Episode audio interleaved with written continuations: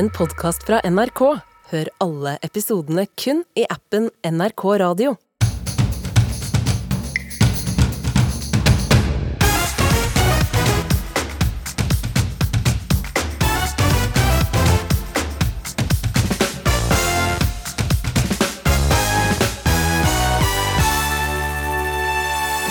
Nesten 30 år etter de ble stemplet som barnemordere, er nå tre menn i Trondheim renvasket. Vi skal snakke med journalisten som har mye av æren for at saken ble gjenopptatt. Hanne Lene kunne ikke løpe, hoppe eller hoste uten å lekke urin. Så står jeg der som jeg nyser, og liksom, plutselig så står jeg og holder meg på tissen, liksom. Nå tar hun et oppgjør med skammen knyttet til inkontinens.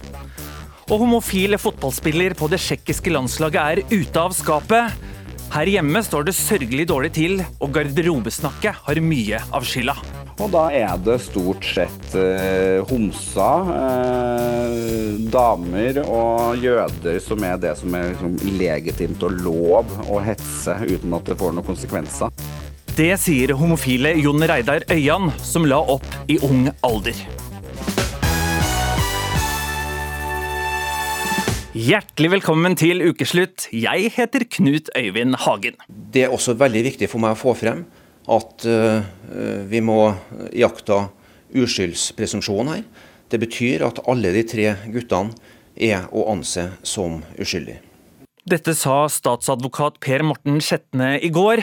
Da avgjorde statsadvokaten i Trøndelag at det ikke finnes bevis for at tre små gutter i 1994 mishandlet Silje Marie Redergård til døde i en akebakke på Tiller i Trondheim. Guttene var fire, fem og seks år gamle da de ble utpekt som skyldige. Nesten 30 år senere ble saken gjenopptatt, og nå er de altså renvasket. Mari Algot Lie, du jobber i NRK Brennpunkt og kjenner saken godt etter å ha laget dokumentar om den. Hva syns du om eh, statsadvokatens beslutning? Jeg tenker at det var litt forventet. Eh, spørsmålet var jo annet om det kan bevises at de tre guttene tok livet av Silje. Men her er det jo ikke tekniske bevis som knytter dem direkte til drapshandlingen. Det er noen avhør fra 94 som har fått kraftig kritikk fra flere eksperter.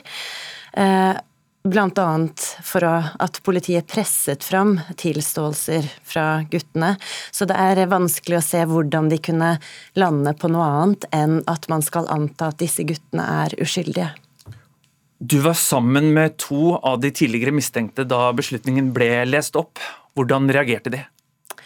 Det var jo veldig stor spenning i det rommet. De hadde både grudd seg og sett fram til å få denne beskjeden. Da de fikk vite at de var å anse som uskyldige, så var det først nesten som de ikke greide å ta det helt inn over seg. Og så eh, gikk det gradvis opp for dem, og da var det stor lettelse. Det kom noen tårer. Og som han ene sa, jeg har gått fra å bli ansett som skyldig i en drapssak i 28 år til å bli uskyldig i løpet av de siste ti minuttene, og det føles fantastisk. Samtidig så sier de at det var eh, litt med en bismak. Fordi eh, de føler at politiet den gang og andre ikke blir stilt nok til ansvar for det de gjorde i 94. Men for dem så var det jo selvfølgelig en stor lettelse og glede å bli kvitt det stempelet de opplever at de har levd med i alle år, nemlig stempelet som drapsmenn. Ja, vi kan jo høre hva den ene sa i går. Det føles ut som at man har faktisk vunnet en kamp. Jeg har ikke ord for ikke å beskrive det. Asbjørn Raklev, du er politioverbetjent og har forsket på avhørsteknikker. Hva tenker du om den jobben som NRK Brennpunkt har gjort her? Nei, den, eh, den, var helt avgjørende for at saken eh, nå har fått uh, sin riktige avgjørelse. Og det er klart at Hvis vi ser litt større på det, utover denne ene saken, så ser vi gang på gang at betydningen av den kritiske presse, den fjerde statsmakt, er, helt avgjørende for hva skal vi si, utviklingen av og opprettholdelsen av vår demokratiske rettsstat. Så ja. Advokat eh, Sigurd Klomsæt sa i Dagsnytt 18 i går at uten Brennpunkts jobb hadde saken aldri kommet opp igjen, og guttene ville ikke blitt renvasket. Hvilke tanker gjør du deg om det, Li? Jeg tenker at det er en viktig oppgave vi i pressen har, å avdekke maktovergrep mot enkeltmennesker. Og i denne saken så har jo eksperter som Raklev pekt på at eh, politiet presset barna i ulovlige avhør. Eh, at de unnlot å forfølge andre mulige spor. Og det handler jo om rettssikkerheten for de mistenkte barna, men også rettssikkerheten for Silje. Fordi det ble ikke gjort en grundig nok jobb den gang for å finne ut av hvem som hadde utsatt henne for den volden hun ble utsatt for. Og nå står det igjen en familie uten svar på hva som skjedde med deres lille datter. Eh, kanskje fordi politiet unnlot å gjøre grundige nok undersøkelser eh, den gang. Det er vel litt trist at eh, det er dette som må til, eh, Asbjørn Draklev? Ja, det er det. Men samtidig så må vi jo også skyte inn at jeg er politioverbent i eh, norsk politi.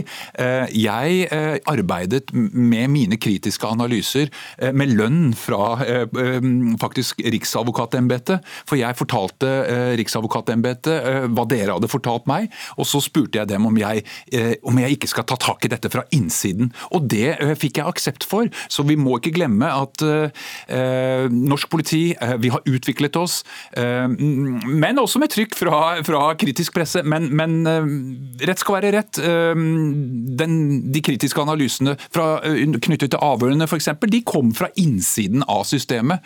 Så det er veldig godt tegn. Jeg, vi skal ikke lenger enn til Danmark, hvor, hvor, hvor noe slikt ville vært helt utenkelig. Og det vet jeg bestemt av egen erfaring. Hva har det gjort med deg å jobbe med denne saken, og hva har gjort mest inntrykk? Jeg tror for eh, alle oss journalistene som har jobbet med denne saken, så har det gjort eh, veldig sterkt eh, inntrykk bl.a. å lese avhørene. Jeg husker da vi leste dem for første gang, og så beskrivelser av disse små guttene som var redde, som kryper opp i mammas fang og gråter og sier at vi ikke har gjort det. Og når man da ser for seg at på andre siden av det bordet så sitter en voksen autoritet, en politimann, og sier ting som nå har de to andre fortalt sannheten, nå må du også fortelle sannheten. Det gjorde så klart kjempesterkt inntrykk å prøve å se for seg det presset disse barna må ha følt, men også hvilke enorme konsekvenser denne saken har hatt for deres videre liv. For selv om de ikke kom i fengsel, så gikk jo saken videre i et barnevernsspor som endte med at både femåringen og seksåringen etter hvert ble plassert i fosterhjem. Og her var det eh, mødre som kjempet i flere år for å beholde omsorgen for eh, barna deres. Og disse guttene ble plassert i fosterhjem mot deres vilje. Og de opplever at det var en direkte konsekvens av Silje-saken. Og en av de ble også utsatt for såkalt behandling etterpå, som bl.a. inneholdt å bli tatt med til gravstedet til Silje og åstedet gang på gang, og til og med utsatt for vold, har vi sett dokumentasjon på fra eh, folk i det såkalte behandlingsapparatet, for at han skulle angre nok og ta inn over seg hva han hadde vært med på å gjøre, hva han hadde gjort mot Silje. Så dette gjorde jo kjempesterke inntrykk for oss som jobbet med saken. Og flere ganger underveis har vi spurt oss er dette sant, kan det stemme, er det virkelig sånne ting som kan skje, og som har skjedd i Norge? Raklev, har politiet blitt bedre siden 90-tallet? Kan dette skje igjen? Eh, så grove justisfeil som ble begått under avhørene, særlig av disse guttene. Eh, det ene avhøret var utvilsomt ville nå hva skal vi si, nivået på det vi kaller umenneskelig behandling, tatt alderen i betraktning. Det er det ingen tvil om. Eh, nei, så grove justisfeil, det vil ikke kunne skje i dag. Og Årsaken til at jeg kan si det med rimelig eh, eh, god grad av sikkerhet, er fordi at vi har tatt et oppgjør med denne tilståelsesfokuserte kulturen. Men vi kan ikke lene oss tilbake og si at alt eh, eh er på stell, og nå kan vi lene oss tilbake osv. Eh, men, men, men så grove feil, det, det, det, det tror jeg ikke. Takk for at dere var med i Ukeslutt, Mari Algot Lie og Asbjørn Rakelev. I dag skal jeg slutte å tisse på meg. Ja, Det skrev Hanne Lene Dahlgren i en post hun delte i sosiale medier før hun skulle opereres for inkontinens. For i flere år er det mye hun ikke har kunnet gjøre i redsel for å lekke urin. Nå vil hun fjerne skammen. Ja, altså jeg kan jo ikke løpe hvis ikke Altså hvis jeg kommer fram til et møte og har tiss i buksa. Det kan, vi kan ikke ha det sånn. Hanne Lene Dahlgren bruker å gå rolig i trappene på jobben for å prøve å unngå at hun lekker urin. Sånn som nå, så vi at døren plutselig holdt på å stenge seg. Så kunne ikke jeg løpt de tre skrittene bort dit, for da hadde det lekt. Mm. Så du rekker ikke bussen med inkontinens. Ja, I flere år har hun slitt med inkontinens, og det har eh, satt sitt preg på hverdagen. Eh, det er jo ingen som vil ha liksom våt truse, uansett. Eh, og så blir man jo veldig redd for Oi, har det gått ordentlig gjennom? Er det liksom sånn at det nå syns? Er det sånn at det lukter? Alt det der blir jo en sånn skamaktig greie som ikke er noe hyggelig. Som vegetarentusiast og bærekraftprofil har hun mange følgere i sosiale medier, og hun bestemte seg for å ta et oppgjør med skammen da hun delte at hun sliter med urinlekkasje. Derfor så snakker jeg om det, selv om jeg egentlig synes at det er litt flaut. Siden har hun blitt kontaktet av mange som forteller at de sliter med det samme. Og hvor folk forteller at jeg har ikke engang snakket med liksom, mannen min om dette her. Jeg har historier fra folk som har operert seg i skjul. Ja, hvorfor uh, tror du det her på en måte er så eh, tabu eh, og skambelagt? Altså, fra vi var liten så har vi fått høre liksom, at det er bare babyer som tisser på seg. Ikke sant? Så den der sengeveting og alt det der, det er jo det vi forbinder med tiss og urin. Liksom, hvis du tisser på deg, da er det litt sånn ekkelt. For Hanne Lene Dahlgren sin del startet urinlekkasjene etter at hun fikk barn. Så skulle jeg få barn nummer to, eh, og han kom ut i seteleie. Det betyr at du føder ut egentlig en dobbel baby. Eh, og det sier seg jo selv at det, det drar med seg litt mer eh, røsking i, i kroppen. Eh, og det er nå fem år siden. Ja, I flere år har hun prøvd å knipe igjen. Automatisk søker bena mine seg sammen. Legger beina i kors når hun nyser. Plutselig står jeg og holder meg på tissen, liksom. For å unngå å lekke urin. Uten særlig hell. For de bare 'Mamma, mamma, kan du ikke være med?' Ok, jeg skal klare det her. Og likevel så skjer det. Det var helt umulig. To hopp. Jeg var klissvåt. Etter en grundig utredning ble til slutt løsningen operasjon. Eh, og da fikk jeg liksom sånn to strek under svaret om at ja, dette er en såpass alvorlig tilstand at eh, du må nok ha operasjon for å bli bra. Eh, og det er jo faktisk overraskende mange som eh, har gått i veldig mange år, da og som har på en måte begrensa aktivitetsnivået sitt fordi de eh, har lekkasje, unngår å gå på trening, syns det er pinlig. Sissel Oversand, overlege ved kvinneklinikken på Ullevål sykehus, forteller at rundt 30% av kvinner har en viss grad av urinlekkasje etter å ha født barn. Ja, du kan jo si at liksom, første trinn er jo å erkjenne at man har et problem, selvfølgelig. Um, prøve bekkenbunnstrening. Hvis man ikke kommer i mål, sørge for at man får en henvisning. Sånn vi, og da er det jo på sykehus at man gjør de utredningene stort sett. Um, og at man da um, ikke venter i årevis, liksom. Hun forteller at det finnes ulike typer behandling for inkontinens, og at ved en slik operasjon som Dahlgren fikk for såkalt stressinkontinens, blir 90% bra etter operasjon. Dessverre så er det jo også sant? Det er jo lange ventetider. Det tar, og det er litt sånn kanskje at man bagatelliserer det litt i første omgang også på en måte i primærhelsetjenesten. At ja ja, bare knip litt, så går det over. Og det, det, gjør ikke nødvendigvis det. Hanne Lene Dahlgren merker stor forbedring to uker etter operasjonen. Det er et nytt liv. Fordi jeg innser nå hvor mye energi jeg har brukt på det, og hvor plagsomt det der har vært. Men hun mener det er for lite informasjon og for vanskelig å få hjelp. Det er, dette er et helseproblem som primært kommer av at vi fører generasjonene videre. Eh, det er en viktig jobb, og hvis det ødelegger noe av livet ditt i etterkant som det offentlige eh, kan fikse opp i, så skulle det bare mangle. Det er fødselsskader hele tida. Komiker Sigrid Bonde Tusvik har eh, tidligere fortalt om sin fødselsskade med analinkontinens på Lindmo. Likevel så går det altså da fødende kvinner, kvinner som har født, eh, og strever på og fiser på seg, tisser på seg, bæsjer på seg og at flere står frem og forteller sin historie er viktig, mener Elisabeth Sverd i Norske kvinners sanitetsforening. Veldig, veldig viktig. For først så må man bryte taushet, og så må man se på hva man kan gjøre videre med det. Og det ligger jo mange områder som vi er nødt til å snakke mer om. Hun sitter i det offentlige kvinnehelseutvalget, som legger frem sin rapport 2.3.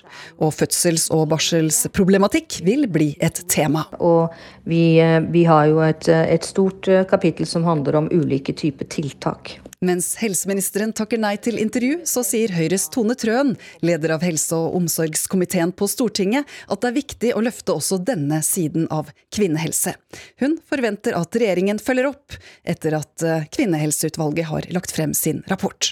Altså jeg antar at den regjeringen venter nå på arbeidet i det utvalget vi satte ned da vi var i regjering. Og så forventer jo vi, eh, og det tror jeg det er mange som gjør, at de raskt følger opp det som kommer fra det utvalget i eh, mars.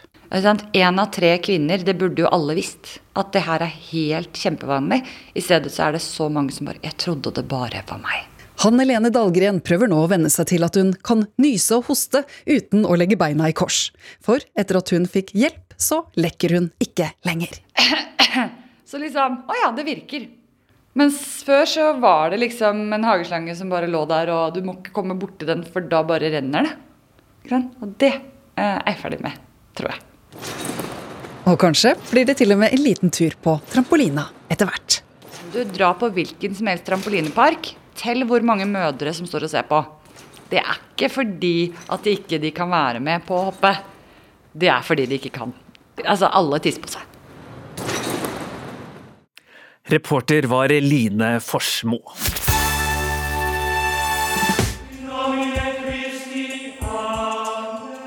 Giskes lokallag har fått 1000 nye medlemmer på under en uke, og hans støttespillere vurderer nå å danne egne lokallag både i Bergen og Arendal.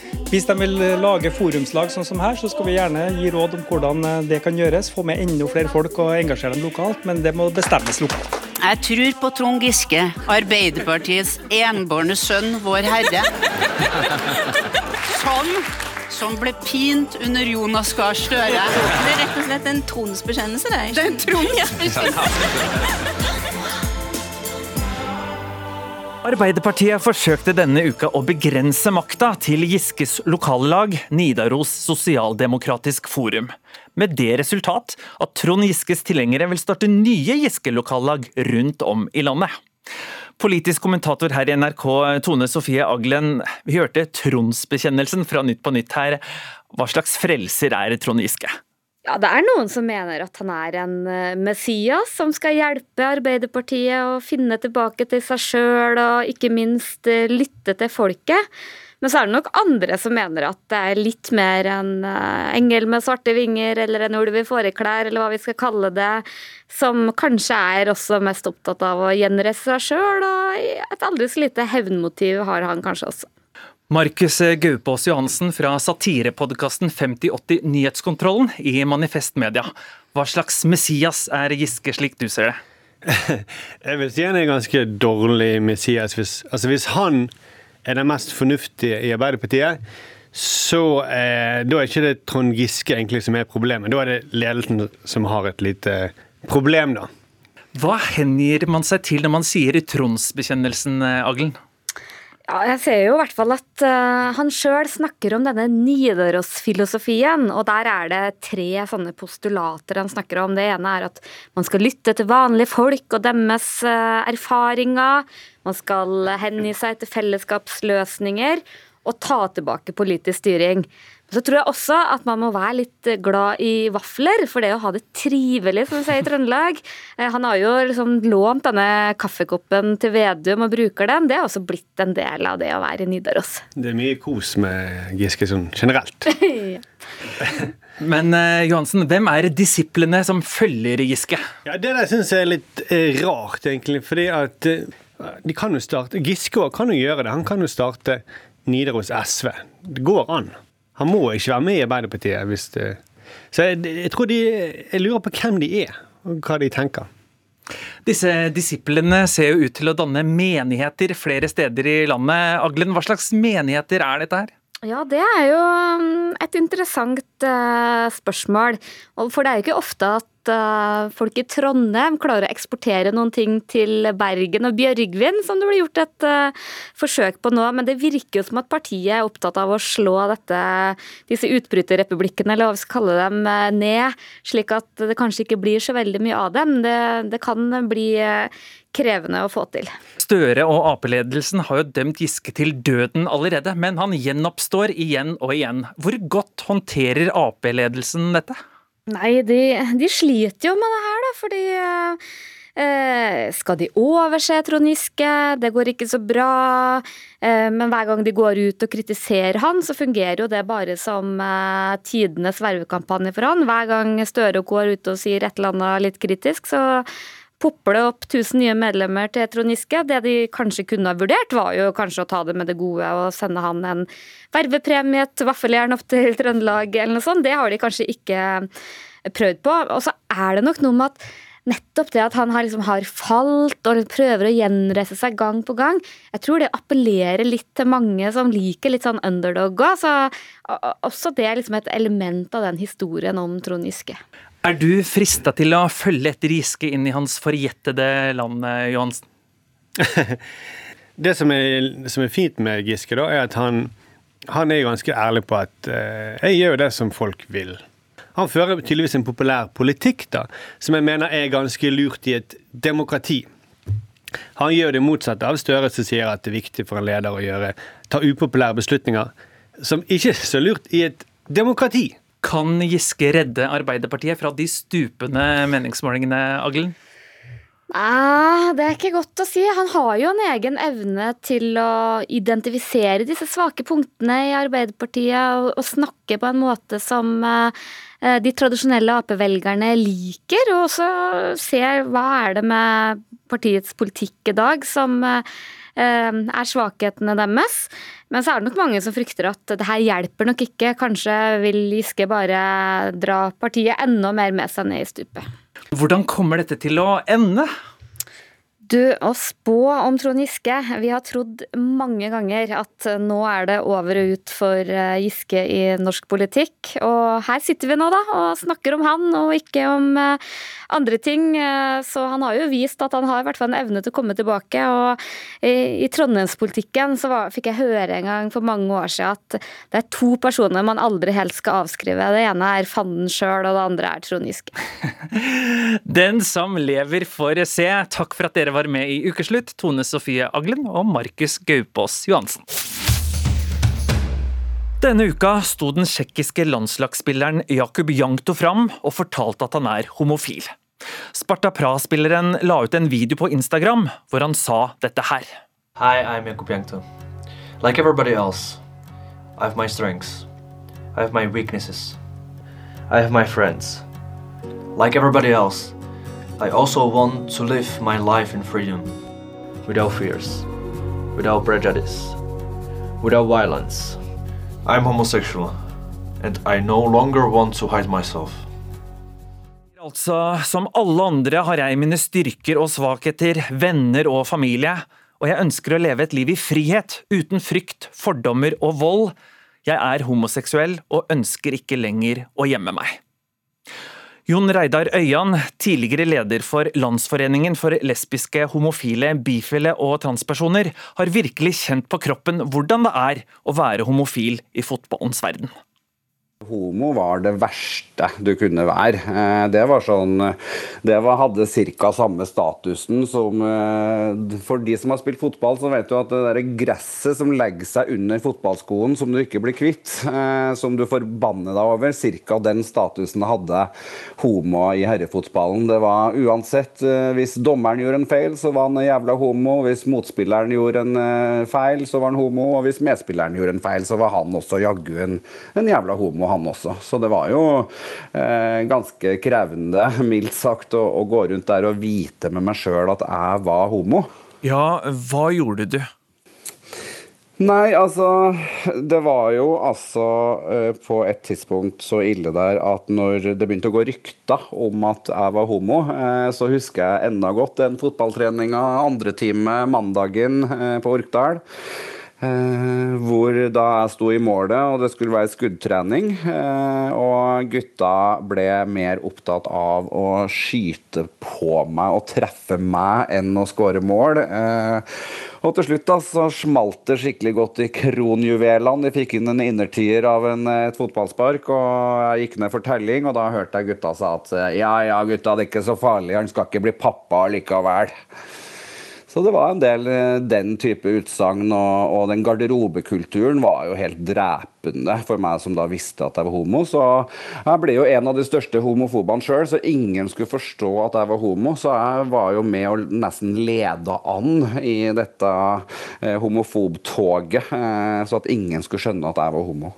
Ja, for det er mye snakk om disse fotballgarderobene.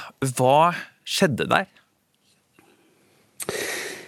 Nei, altså det er jo sånn at uh, jeg mener jo når uh, homofobi skjer, uh, og homohets skjer, så er det et lederansvar.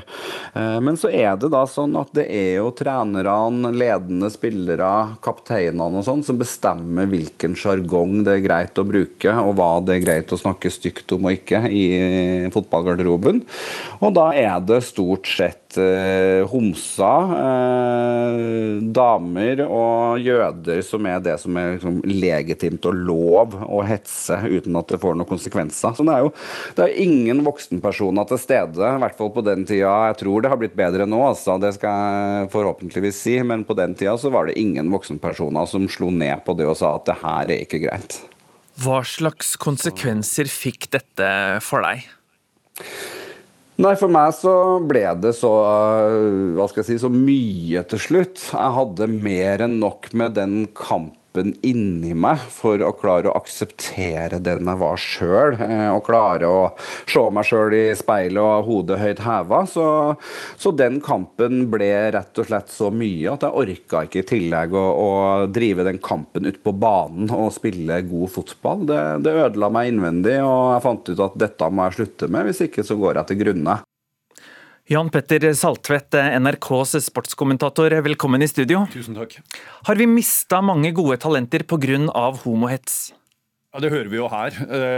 En både frustrerende og trist historie som Øyan forteller. Jeg tror vi har mistet veldig mange på veien som ikke orket den doble kampen. Både med seg selv, med omgivelsene, og i tillegg skulle utfordre de fordommene og det språket som i altfor stor grad fortsatt er sjargongen i fotballgarderober rundt omkring.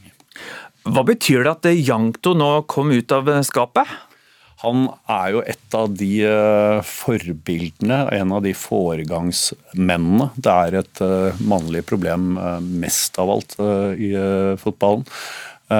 Som har blitt etterlyst av mange. Noen å se opp til for andre som er i toppfotballen, og som kanskje tenker de samme tankene, men som syns barrierene er for uh, uoverstigelige. Garderoben er jo én ting. Man har tribunene, man har motstanderlag, man har andre kulturer for de som er så gode at de kan være aktuelle å selge til uh, At de kan bytte klubber uh, mellom forskjellige land.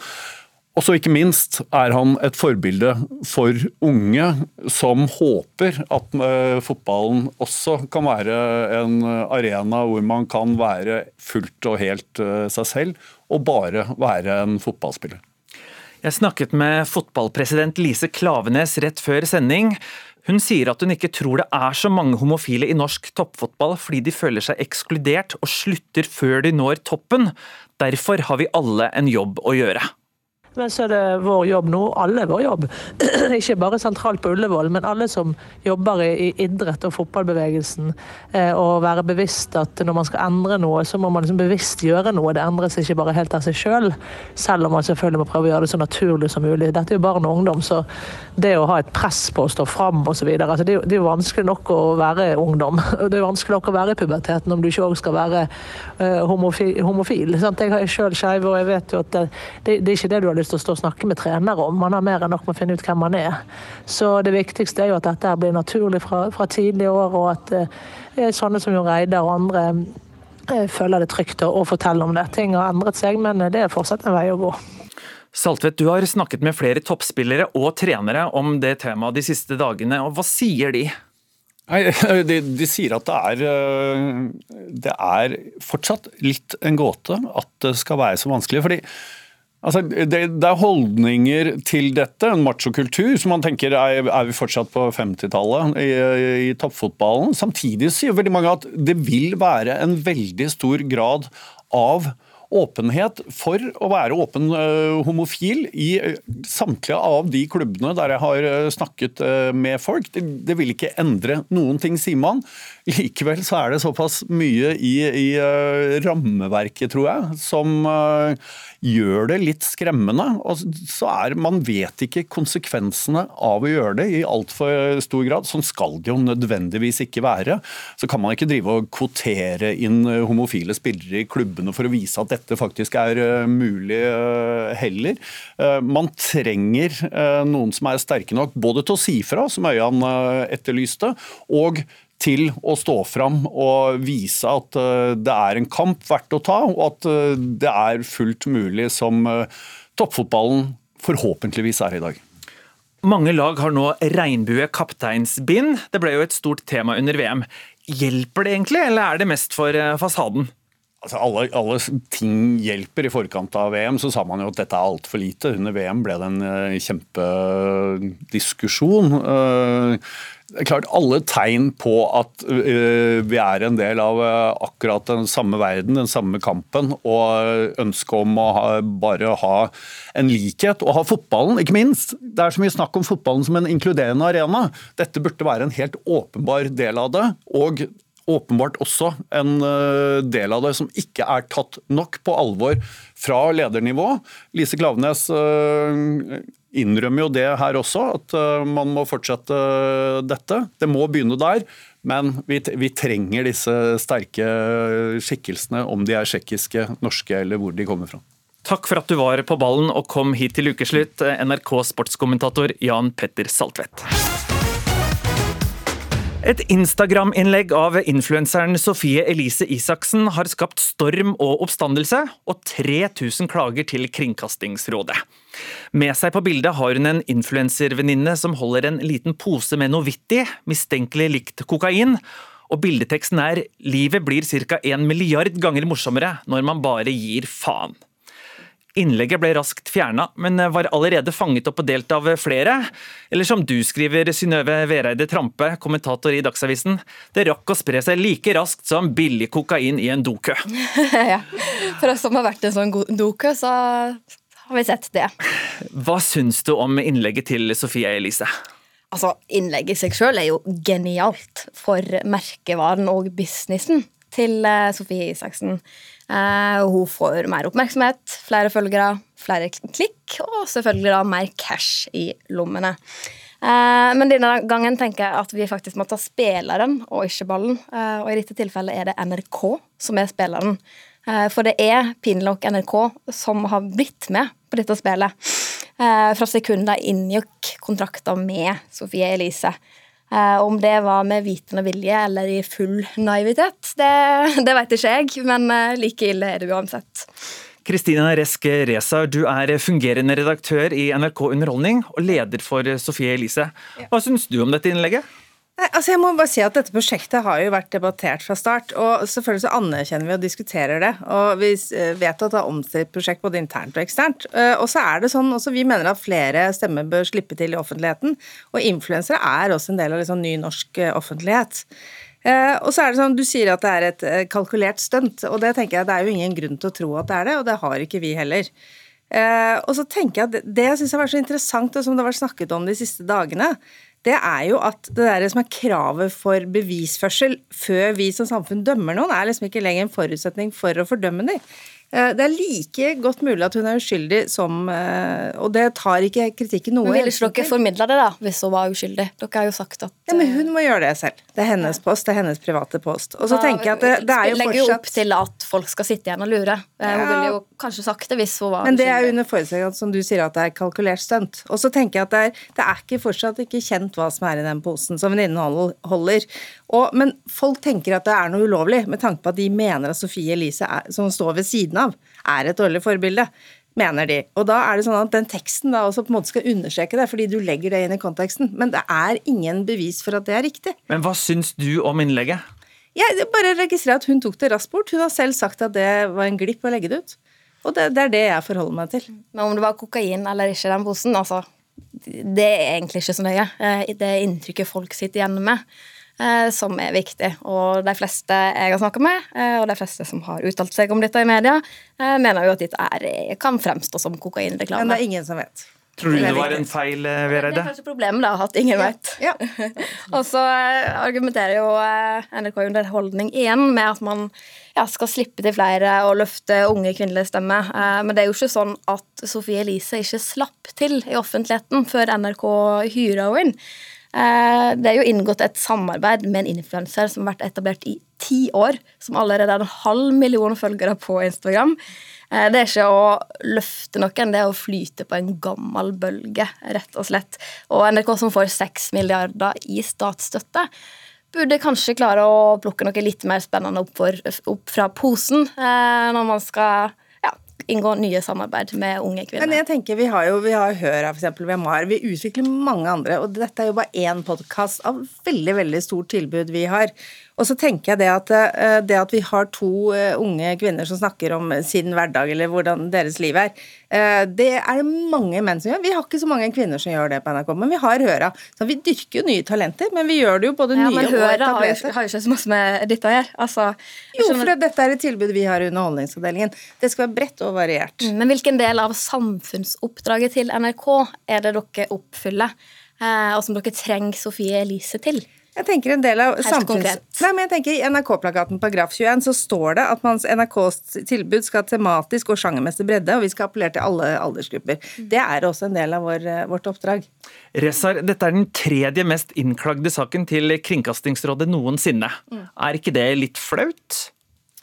Tenker, det er to, tosidig. Det ene jeg tenker at det at folk er engasjert, er kjempebra. Eh, selvfølgelig så hører vi og leser og skal ta det til oss. Og vi vet jo ikke om vi blir invitert inn i Kringkastingsrådet ennå. Det er sånn tre dager før at vi får beskjed. Eh, og hvis vi blir det, så eh, gleder vi oss til å ta den samtalen. Og, og det er jo ikke sånn at vi ikke følger med på hva folk gjør og turer på våre egne ting. Men det er også sånn at Vi vet at det er en, en kampanje på Jodel som oppfordrer folk til å melde inn. Og det er det ofte når du kommer opp i så høye tall. Eh, nå er det kanskje sånn for Sofie Elise at all PR er god PR, men sånn er det ikke for NRK. Eh, NRK lever ikke av abonnement, abonnementer eller klikk, men på sin troverdighet og på sitt omdømme, eh, som dere nå har lånt vekk til Sofie Elise. Folk assosierer NRK med Sofie Elise, Sofie Elise med kokain, og igjen da det med NRK. Eh, og jeg vet at det er mange skattebetalere der ute som lurer på til hvilken pris. Hvor masse betaler man egentlig Sofie Elise eh, for det produktet som man nå får, da? Ja, Hvor mye betaler dere? Vi sier jo ikke hva vi betaler, men for å bare si sånn, hun får ikke noe mer enn andre. Det gjør hun ikke. Hun er helt lik kontrakt som de fleste av oss. Eller ikke av oss, men av de som er profilene. Og så er det sånn at vi øhm, Jeg tenker øh, at Jo, podkasten er jo reklamefri og følger jo Vær varsom-plakatene. Vi har en redaksjon som følger med. Så det er ikke noe i den podkasten som har noe med hennes bedrift å gjøre. Selvfølgelig så bruker vi hennes navn, men vi bruker Det er veldig mange andre kjente profiler i NRK. Vi har flere kommersielle profiler, og vi har også en del influensere som kommer inn etter hvert. Til slutt, Vereide. Flere tusen klager til Kringkastingsrådet. Storm her og der. Kort, hva bør NRK gjøre nå? Altså, jeg tenker, Hvis man skal oppsummere dette, så er jo det litt man kan få inntrykk av at NRK er litt panisk spring etter de unge her. Man prøver å være hippe og kule eh, og nå igjennom, istedenfor å ta ansvar og være de voksne. Eh, men at feilen ble gjort da kontrakten ble inngått, ikke pga. bildet som har kommet nå. Eh, det har bare løfta det mange har påpekt lenge. Eh, så når støyet har lagt seg, så tror jeg NRK bør ta en runde, evaluere. Eh, er dette virkelig med på å oppfylle samfunnsoppdraget? Det er lov å ta feil, og det er lov å ikke forlenge den kontrakten. Og den der setter vi strek. Takk for at dere stilte i Ukeslutt, Synnøve Vereide og Kristina Resk Resar.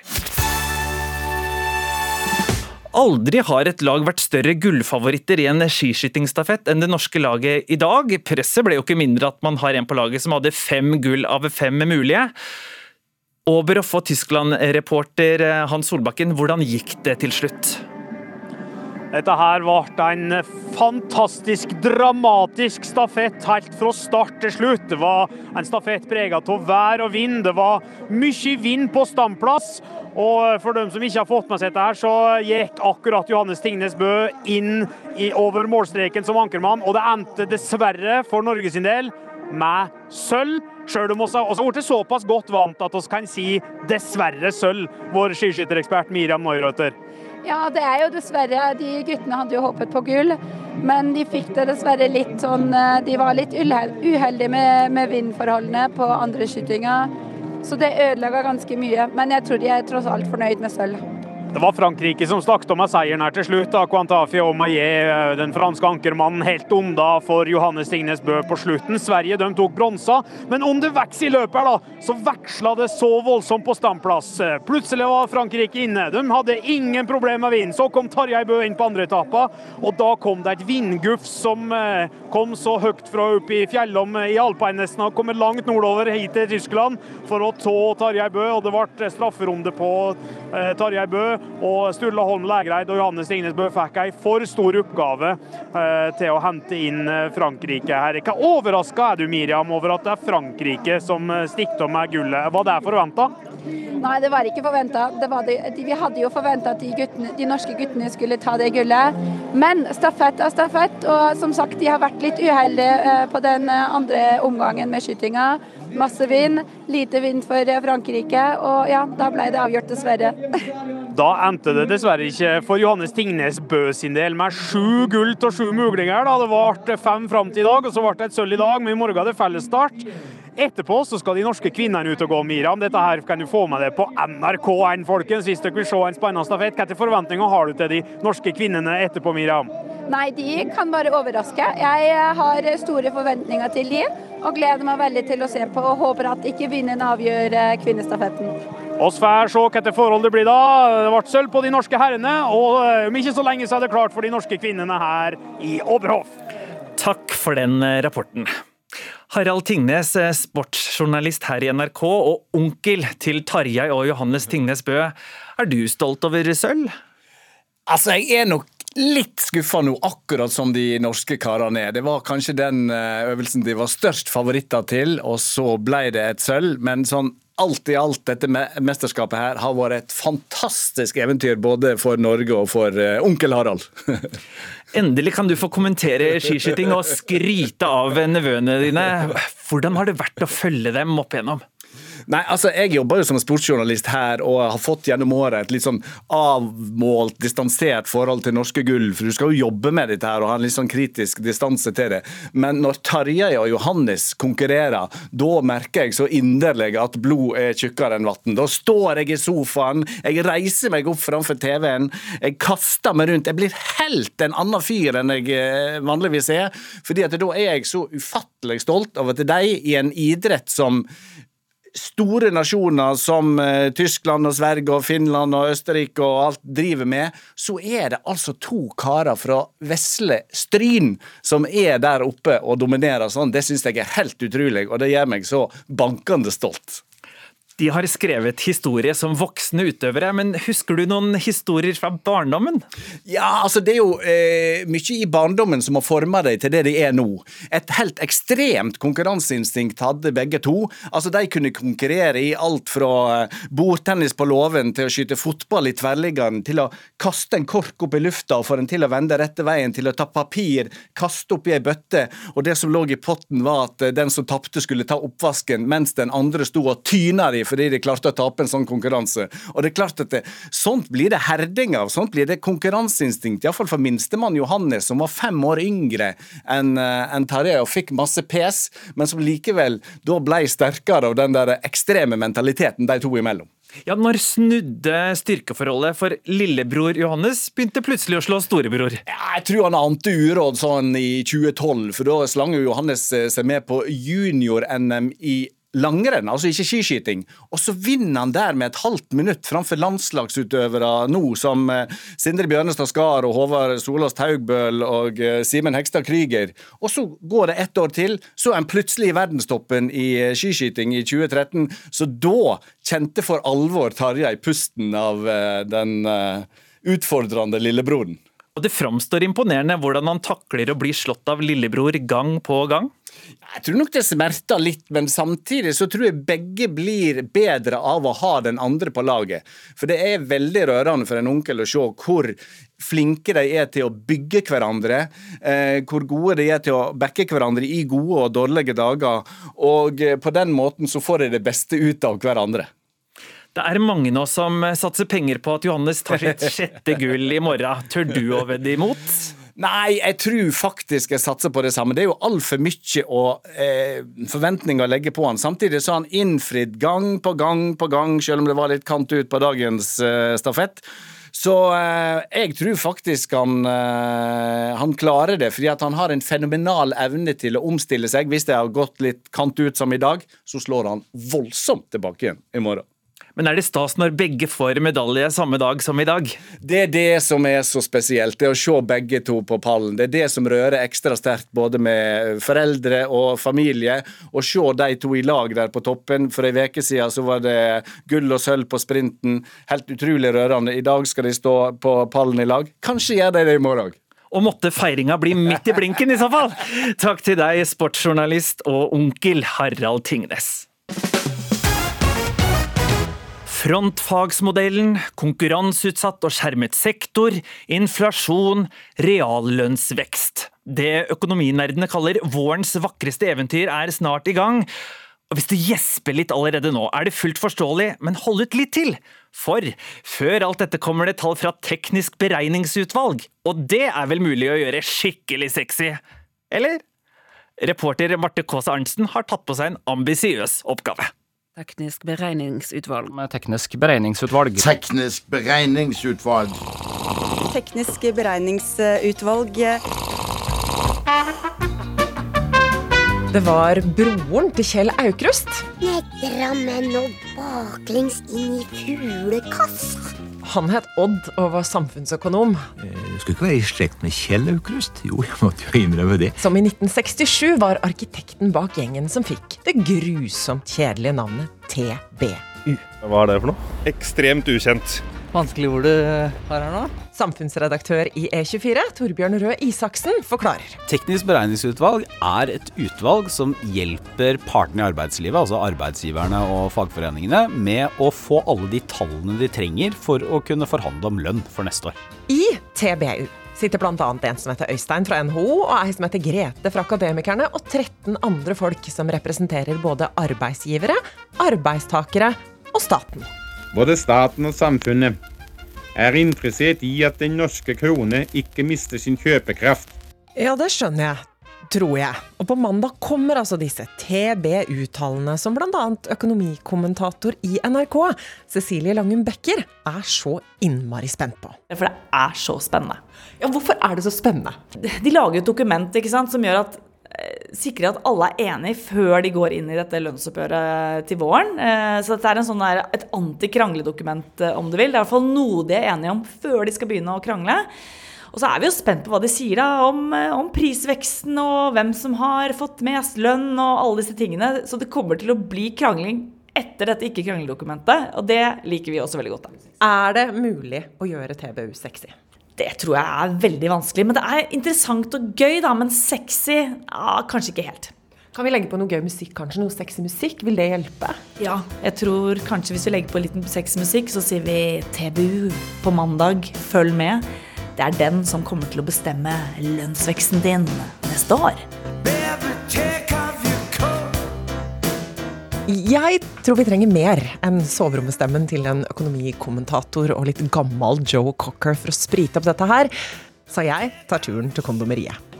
ja, det hørtes ikke så veldig sexy ut, nei. Nei, og da tenkte jeg at da går jeg på kondomeriet, for der er de gode på sexy. ja, vi prøver i hvert fall. Ja. veldig godt. Hvis du har noen som kommer inn her som tenker at det er helt forferdelig kjedelige, og som sier sånn vi trenger hjelp til å rocke opp ting litt, hva vil du anbefale? Eh, da selger vi f.eks. mye av Womanizer, f.eks. Hva er det? Så den bråker litt når den ikke inntil hud, men med en gang man dekker den til, så blir den mye Det er det som går på trykkbølgeteknologi istedenfor vibrasjon, så det stimulerer alle 8000 nerveender på klitoris samtidig. Da. Ja, det er en vibrator. så går den også mye lenger ned, da, så det er mange innstillinger. Så det skal være for alle og enhver. Tror du det er noe for teknisk beregningsutvalg også? Absolutt, alle burde ha en.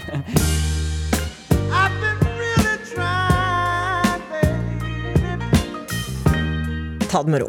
Jeg skal ikke kjøpe 15 vibratorer og sende dem til TBU før mandag. Det er ikke det skattepengene dine går til. Men de er jo en slags økonomiske influensere, da, de som sitter i teknisk beregningsutvalg. Men eh, nei, jeg syns ikke det skal være så sexy. Kan, det skal være litt sånn grått og kjedelig. Torbjørn Røe Isaksen fra E24 igjen. Og ok, jeg skal ikke gå i journalistfella og gjøre alt sexy, men forståelig det kan jammen være sexy nok når det kommer til egen økonomi. Du vet Når du skal avtale å gi julegave til en venn, eh, så avtaler du et beløp på forhånd. Så du sier sånn Vi blir enige om at eh, det er 200 kroner som gjelder. Da har vi i hvert fall det tallet å forholde oss til. Så kan vi diskutere, eller man kan være kreativ på gaver og sånn, men vi er enige om det tallet på 200. Det er utgangspunktet. Og her skal man f.eks. da eh, være enige om, eller i hvert fall være enige om hvilke tall man skal bruke på hvor mye dyrere ting blir neste år. Altså hvor mye prisene skal stige neste år. Så, hvis du nå har fått med deg at gjengen i Teknisk beregningsutvalg Teknisk beregningsutvalg. Teknisk beregningsutvalg. Som består av alle partene i arbeidslivet, på mandag kommer med et slags antikrangledokument You. Yes, I did. You did not. Yes, I did. Didn't. Yes, I did. Didn't. Yes, I did. som legger grunnlaget for hvor mye, eller lite, lønna de stiger i løpet av våren. Da har vi kommet langt. Og det er kanskje bedre å være klok enn kåt? Nei, absolutt ikke. Altså, Et godt sexliv har aldri distrahert noen. Jeg tror det heller gjør det mer fokusert. Kristoffer fra Kondomeriet fikk siste ord i den saken. Som vi har hørt tidligere i sendinga, de tre guttene på fire, fem og seks år som fikk skylda for dødsfallet til fem år gamle Silje Marie Redergård i Trondheim i 1994, ble i går renvasket av statsadvokaten i Trøndelag etter nesten 30 år. I Sverige har det vært en lignende sak, for da fire år gamle Kevin ble funnet død i Värmland i 1998, ble to brødre på fem og sju år utpekt som drapsmenn. Det, det er noe som er fel liksom. Det var jo ikke vi. At, ja, men ni, har, ni er jo dömda liksom Og det, det er jo ni som har gjort det, sier de. Men man har jo likevel tenkt alle scenarier. Tenk om det var jo og tenk om, tänk om det inte var jag, men jag ändå var där. Dette var fra dokumentaren om saken. I 2017 ble etterforskningen tatt opp igjen, og de to ble renvasket. Christian Carlsson og Robin Dahlén, akkurat som i Silje-saken, tilsto også dere å ha drept et annet barn da dere var fem og sju år. Christian, hva husker du av dette i dag? Eh, idag kommer jag inte ihåg så mycket. Jag minns små sekvenser när jag eh, blir ledsen efter ett tag och, gråter och ropar efter mamma. Det är typ det jag kommer ihåg nu idag. Robin, eh, hvordan kan barn innrømme ting som de overhodet ikke har gjort? Ja, alltså... Ja, men man, det blir ju som en ilska inombords och man vill bara skrika ut att det inte är så. Men det finns ingen som skulle tro på en. For som vi hørte i eh, snutten, så var også dere usikre på om dere faktisk hadde gjort det. Ja, det, det, altså, det er klart. Man hadde alltid innstillingen at eh, Jeg har ikke gjort det. Eh, den var alltid starkast, men det är klart man tvekade när det var så stora myndigheter inblandade som polisen, socialen. Det var liksom, man tänkte att hur kunde de göra fel i någonting så stort? Man stoler på politiet. Ja, precis. Men går det an å beskrive hvordan det er å vokse opp med dette stempelet, at man skal ha drept et annet barn? Ja, altså det er jo Man blir jo orolig for at noen skal vilje noen... At noen vil gjøre oss ille, liksom. Eh, på grunn av at vi har... Det sies at vi har gjort... At vi har dødd et mindre barn. Eh, och man er, når man kommer til orten der det hender, så blir man jo ekstra orolig at noen kjenner igjen en så sådär. Så dere har vært redde? Ja, inte, inte redde så, men vi er redde at, att, det, att någon ska komma och skada oss liksom. Hva har denne saken gjort med livene deres? Ja, som Christian sa der, det var jo For meg, jeg hadde veldig prestasjonsangst. For at man kjente seg sämre än alla andra. Och då ville man bevisa för alla andra och sig själv att man är minst lika bra. Så det sattes för mig i alla fall väldigt psykologiskt. Mm. Men så, um, hvordan har livene deres blitt endret etter at saken ble gått gjennom på nytt, og dere ble frikjent? För min del så har det ju ändrats positivt så för att om jag mår dåligt nu eller behöver hjälp med någonting så kan jag ju förklara vad och varför jag mår dåligt. Innan så kunde, kunde man ju inte säga någonting för att vi ville ju inte berätta för, för människor att det var vi som hade gjort det. Då. Og håper dere at det samme vil skje med de i Trondheim nå? Ja, det var, For meg var det en veldig befrielse for eh, som jeg sa, man fastnade i det at man ville vise seg selv og alle andre at man var, bra.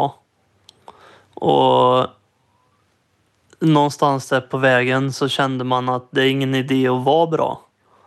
For man kommer ändå ha den där stämpeln som mördare hele livet. Og kändes litt som att det är ingen idé att lägga ner sig för att det kommer inte leda någonstans ändå. Men sen när man blev friskriven så kändes det som att livet började om. Som att nu kan jag. Nu har jeg ikke den blokkeringen i veien. Dere har vært eh, engasjerte i Silje-saken, vært i Trondheim og snakket med de tidligere mistenkte. Hva syns dere om eh, utfallet i den saken som nå kom? Ja, det er helt rett. Jeg hadde blitt litt arg om det ikke hadde gått åt det holdet. Da hadde jeg kjent at da hadde man bare gjort fel igjen. Så jeg er veldig glad at det ble denne utgangen. At de får sin rättvisa. Og hva vil dere gjøre nå som eh, de er eh, frikjent? Ja, vi vil åke og hilse på dem og gratulere dem. Fire at de endelig, etter nesten 30 år blitt frikjent. Tusen takk for at dere fortalte deres historie her i Ukeslutt, Christian Karlsson og Robin Dahlén. Feirer dere fastelavn? Min ekskone kommer til å gjøre det, og jeg kommer sikkert til å få beskjed om at jeg må komme på bollefest. Ja, vi har pleid å bake boller og spise det sammen med familien. Jeg pleier ikke å tenke så mye på det, egentlig. Ikke nå lenger. Jeg husker jeg hadde boller med krem, det husker jeg. Men jeg, nå har jeg ikke noen barn boende hjemme, så det blir ikke at jeg feirer det selv, nei. Jeg bare spiser boller, jeg, men jeg feirer ikke noe særlig. Jeg vet så lite om fastelavn. Jeg vet ikke hvor det kommer fra, og hvorfor det kom. Så jeg er helt uinformert. Helt uinformerte, altså, men at det handler om boller og gjærbakst, det vet iallfall de fleste. Ukeslutts reporter Natasha Kamanzi dro til Jessheim for å bake.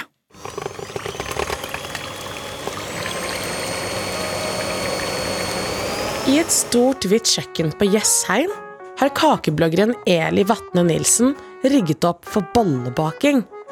Jeg har jo blitt helt frelst på gjærbakst. Dette her er én oppskrift og 60 måter å bruke den oppskriften på.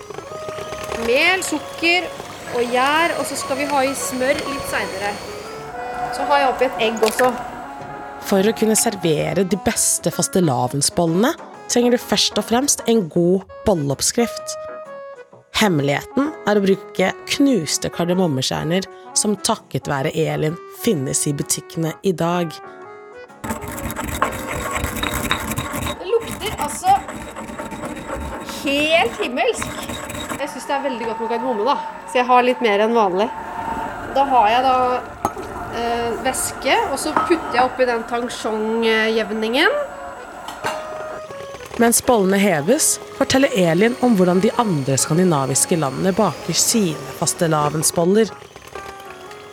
Du har jo svenskene, de har jo semla, og det er rett og slett en eh, bolle hvor de bare klipper en liten sånn trekant på toppen. Og så har de en mandelfylling, og du kan egentlig mest sammenligne det med marsipan som er gjort eh, bløt. Det er blanda inn litt væske, og så blander de ofte inn litt sånn hele mandler som er røsta, så det blir litt crunch. Så har de dette da nede i det hølet, og så kjører de på med en sånn kjempekremdott oppå der, og så setter de på lokket og drysser på melis. Og det er en svensk semla. Og danskene, de har litt forskjellig.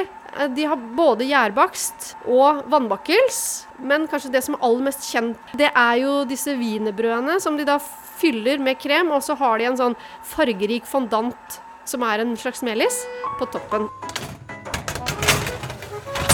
Går første brettet inn. Bollene er i ovnen, og Elin disker opp krem og hjemmelaget jordbærsyltetøy som skal fylle de saftige fastelavnsbollene. Altså Den kremen her den smaker aller best når den ikke er sånn hardt piska. Ah, det ser godt ut! Herlig. Det her, det er så godt, det. Å, de ser kjempefine ut! Wow! Det her er, det her er bedre enn kjøpeboller, altså. Jeg lover deg. Bollene er nedskjølt, og kakebloggeren har fylt opp hver bolle, og vi gleder oss til å smake. Vær så god, da er det servert. Og nå blir det jammen servert her i studio òg, for sjølveste bollebakeren Elin Vatnare Nilsen kommer med en bolle, og jeg er så spent. Vær så god. Tusen takk. Bakt i dag. Mm. Og for en deilig krem! Skikkelig digg. Ja, de kjøpebollene kan bare gå og legge seg. hva hva syns du sjøl om baksten? Nei, altså Disse her har jeg bakt i dag. Så jeg sto opp tidlig for at du skulle få ferske boller i dag. Eh, og det som er litt spesielt med mine fastelavnsboller, det er at jeg har brukt en teknikk som heter tangshong. Og det er en sånn asiatisk baketeknikk som gjør at de blir sånn magisk mjuke. Og så har vi fått selskap av Geir Thomas Risaasen, kunsthistoriker og sakprosaforfatter, og som jobber ved Norsk Folkemuseum. Ta deg en bolle. Å ja, det vil jeg svært gjerne. Det er, eh, jeg gleder meg jo til i morgen, så det å kunne tjuvstarte litt, herlig. Og så har også du noe med deg i studio her. Du må fortelle lytterne, hva er dette? Fordi at uh, fastelavn, det kommer jo av fastelabend, altså kvelden før fasten. Og det er jo en kristen tradisjon at vi har en lang faste fram til påske. Den er ikke viktig i Norge lenger, men festen i forkant, den tar vi med. Og det er jo to ting vi forbinder med fastelavn i Norge. Vi tenker fastelavn søndag, men det er jo faktisk tre dager, for det er fastelavn søndag, blåmandag, feitetirsdag. Men det vi forbinder, er jo da fastelavnsriset. Uh, og jeg har da med uh, ris som Sanitetskvinnene har laga og solgt. Det begynte med 1946, så det er en ung tradisjon. Og så er det da fastelavnsbollen. Men det, jeg vet ikke om du lager uh, den bergenske varianten, heitevegger? Nei, det gjør jeg ikke. Men er det en sånn med en varm melk? Det er varm melk med smeltet smør, kanel eller, uh, eller mus, uh, kardemomme. Jeg bare hørte om den. Ja. Så, men, men kjært barn har mange navn. Jeg tok også med meg da ifra den ortodokse verden, Ukraina og Russland, de feirer jo Masnelitse og starter da i morgen, som da er kjøttforsakelsens søndag. Da er de slutt siste dagen med kjøtt før påske. Og så holder de på ei uke til osteforsakelsens søndag kommer da uka etter. Og da er det slutt på meieriproduktene, for de tar jo fasten på alvor. Og så er det jo det som vi kanskje tenker mest på. Karnevalet, som italienske katolikker har som sin tradisjon. Så kjært barn har mange navn. Fastelavn, karneval, masenlitse. Tre ulike måter å feire på. Og så Dette riset har jo en liten romantisk touch. Det er på en måte misteltein Ja, fordi at det med bjørkeriset det er jo gammelt fruktbarhetssymbol.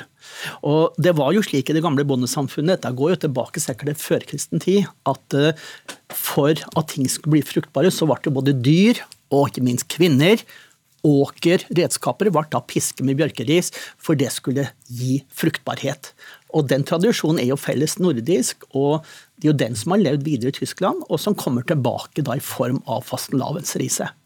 Som fastelavn-ekspert, eh, blir det euforiske feiringer av denne helga? Selvfølgelig. Det er jo kveld, det er jo dagen for middagsgjester i morgen, og det er da fastelavnsboller. Om de blir så gode som dine, det er en annen sak, men jeg skal nå bake mine i morgen. Ja, det er fint. Så Hvordan skal du feire, bakermester? Nei, det er jo sånn at når du er bakeblogger, så har du laget fastelavnsboller gjerne et par uker før selve høytiden. Så jeg må si jeg har vært innom et par varianter fastelavnsboller allerede. Men selvfølgelig, i morgen skal det spises kremboller. Har du et par tips? Hvordan bør vi feire fastelavn? Nei, jeg synes vi altså Prinsipielt så skal vi ta vare på alle dager som kan feires. Det er vel verdt å passe på. Og jeg syns vi trenger ikke ha det mer komplisert enn at vi kjøper fastelavnsris eller lager det selv hvis vi føler for det, og at vi har de gode krembollene. Og om vi har din variant eller de bergenske heiteveggene, det får være en smakssak. Eller om man bare stikker til bakeren og kjøper noen. Det går også veldig bra. Men nå må vi faktisk smake litt mer på disse bollene. Mm. Åh, det er så deilig velbehag, den smaken som kommer. Altså, så luftig og myke og så luftig, mykt og godt bakeverk. Tusen hjertelig takk, og jeg oppfordrer alle til å prøve å bake noen sånne fine boller sjøl. Tusen takk til bollebaker Elin Vatnar Nilsen og fastelavnforteller Geir Thomas Risaasen. Bare hyggelig. Og det var dagens reportasjer og saker. Vegard Erstad var den som sto for teknikk. Takk til alle gjester og vår bollebaker, og til vaktsjef Kari Ørstavik. Programleder og vert Knut Øyvind Hagen sier takk for at du hørte på Ukeslutt. Riktig god lørdag. Du har hørt en podkast fra NRK. Hør alle episodene kun i appen NRK Radio.